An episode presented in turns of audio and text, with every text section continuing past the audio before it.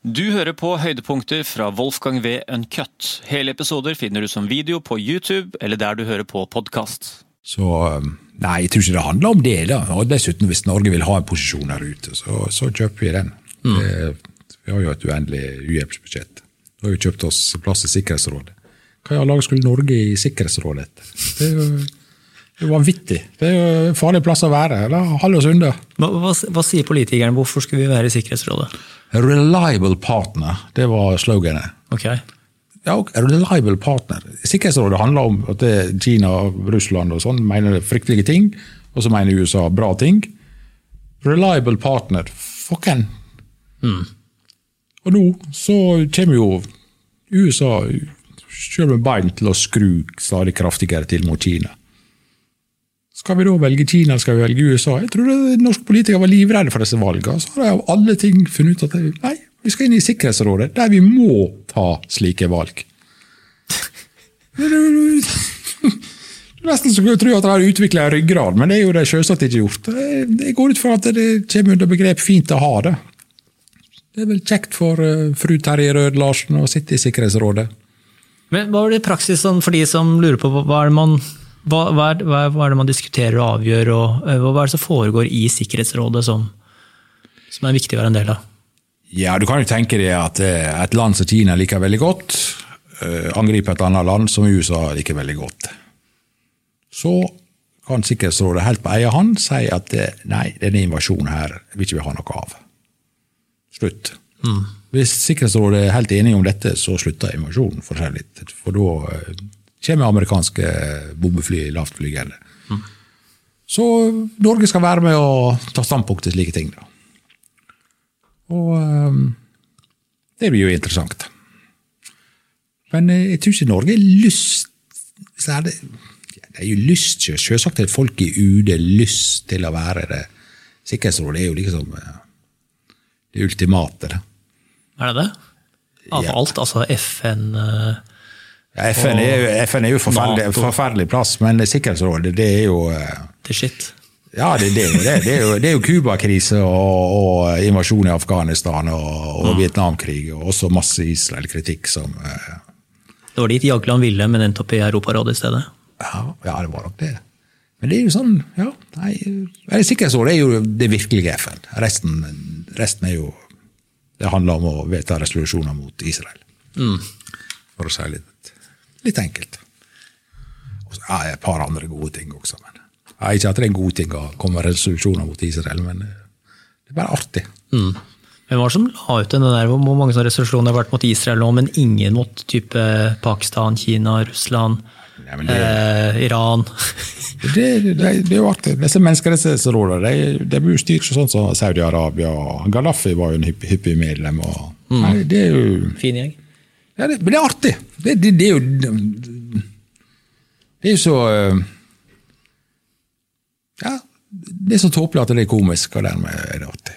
Jeg så, jeg lurer på om han var Sløseriombudsmannen som delte en eller annen sak i dag, for det tror jeg så det i dag. Og det var dette her med at myndighetene holder hemmelig hva i denne valgkampen faktisk blir valgt inn i Sikkerhetsrådet, så har vi jo gitt mange gavepakker til veldig mange små Ja, land i eh, skal vi si, sånn utvida uhjelpsforstand.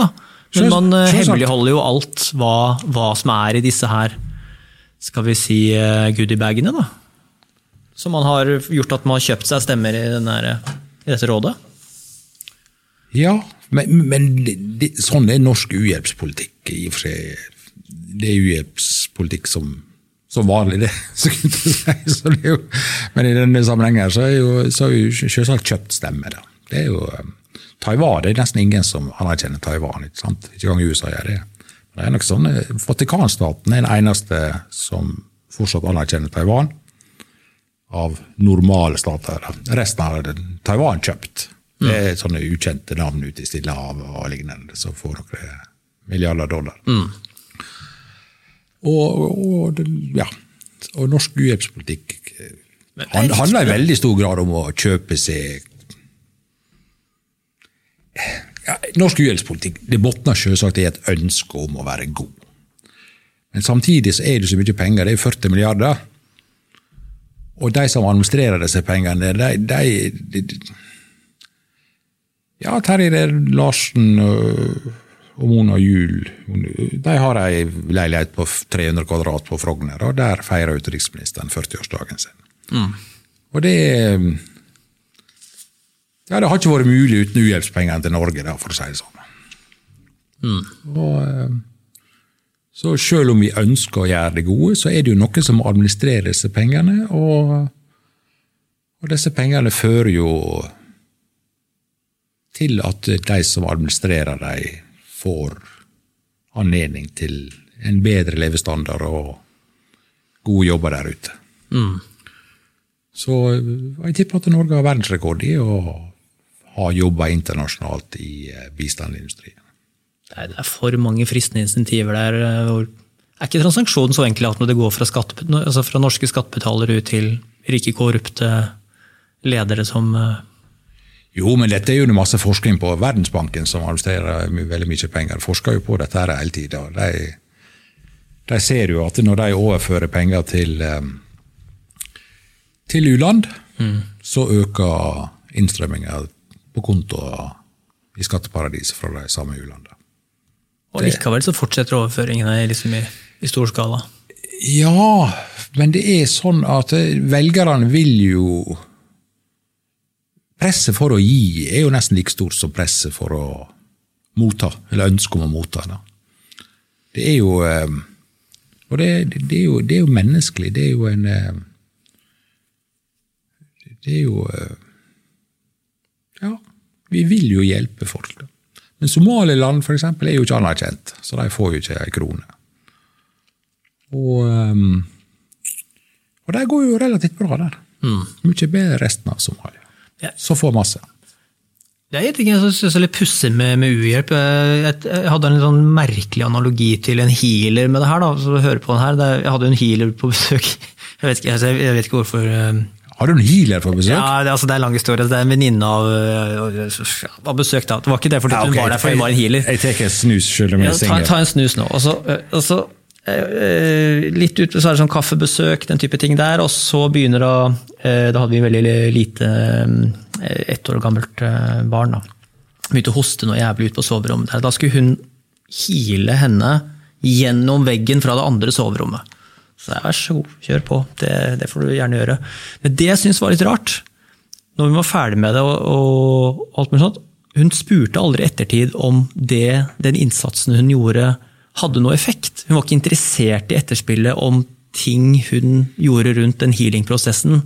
Om det liksom om det gjorde noe bedre ut fra det hun prøvde å hjelpe. Det er litt sånn som med, skatte, nei, med, med uhjelp og uh, skattebetalere. Altså at ikke det er mer ønske blant publikum å vite mer liksom, måte, hvor er det uhjelpen går hen. Hvorfor er det ikke mer liksom, på en måte, infographics eller informasjon om uh, effekten av uhjelpen man gir? Eller kanskje faktisk uh, bare det å gi penger. Jeg tror folk er jo mest glad i å gi penger. Det er jo ekstremt jo, få, om noen som på en måte følger opp hvor pengene man gir. Jo, men Det er, gjort, det er tillitsbasert, da. Ja, men det er gjort veldig mye forskning på det. Angus Deaton, venstreorientert skotsk økonom, fabelaktig fyr, fikk Nobelprisen i 2015 for uh, sitt statistiske arbeid med å ja, lage statistikk for velferd, spesielt i u-land. Og han er jo uh, en ekstremt sterk motstander mot å gi penger til regjeringen. Han sier at det opphever kontrakter med innbyggerne. Fordi når du får penger utenfra, så trenger du ikke et parlament, du trenger ikke velgere, og du trenger ikke å kreve inn skatt. Og alle som slipper å betale skatt, de er glade for det, og da bryr de seg heller ikke om det offentlige. Ergo så får ikke du bygd institusjoner. Mm. Og forskning også i regi av Verdensbanken viste at stater som fikk eh, over en 20-årsperiode støtte tilsvarende 1,9% eller mer av BNP, de gikk fra å være demokratiske til å ikke bli demokratiske. Mm. Så uhjelp undergraver demokrati. Det er, det er, et sterkt og robust funn, som det heter på pent. Mm. Wolfgang V. Uncut.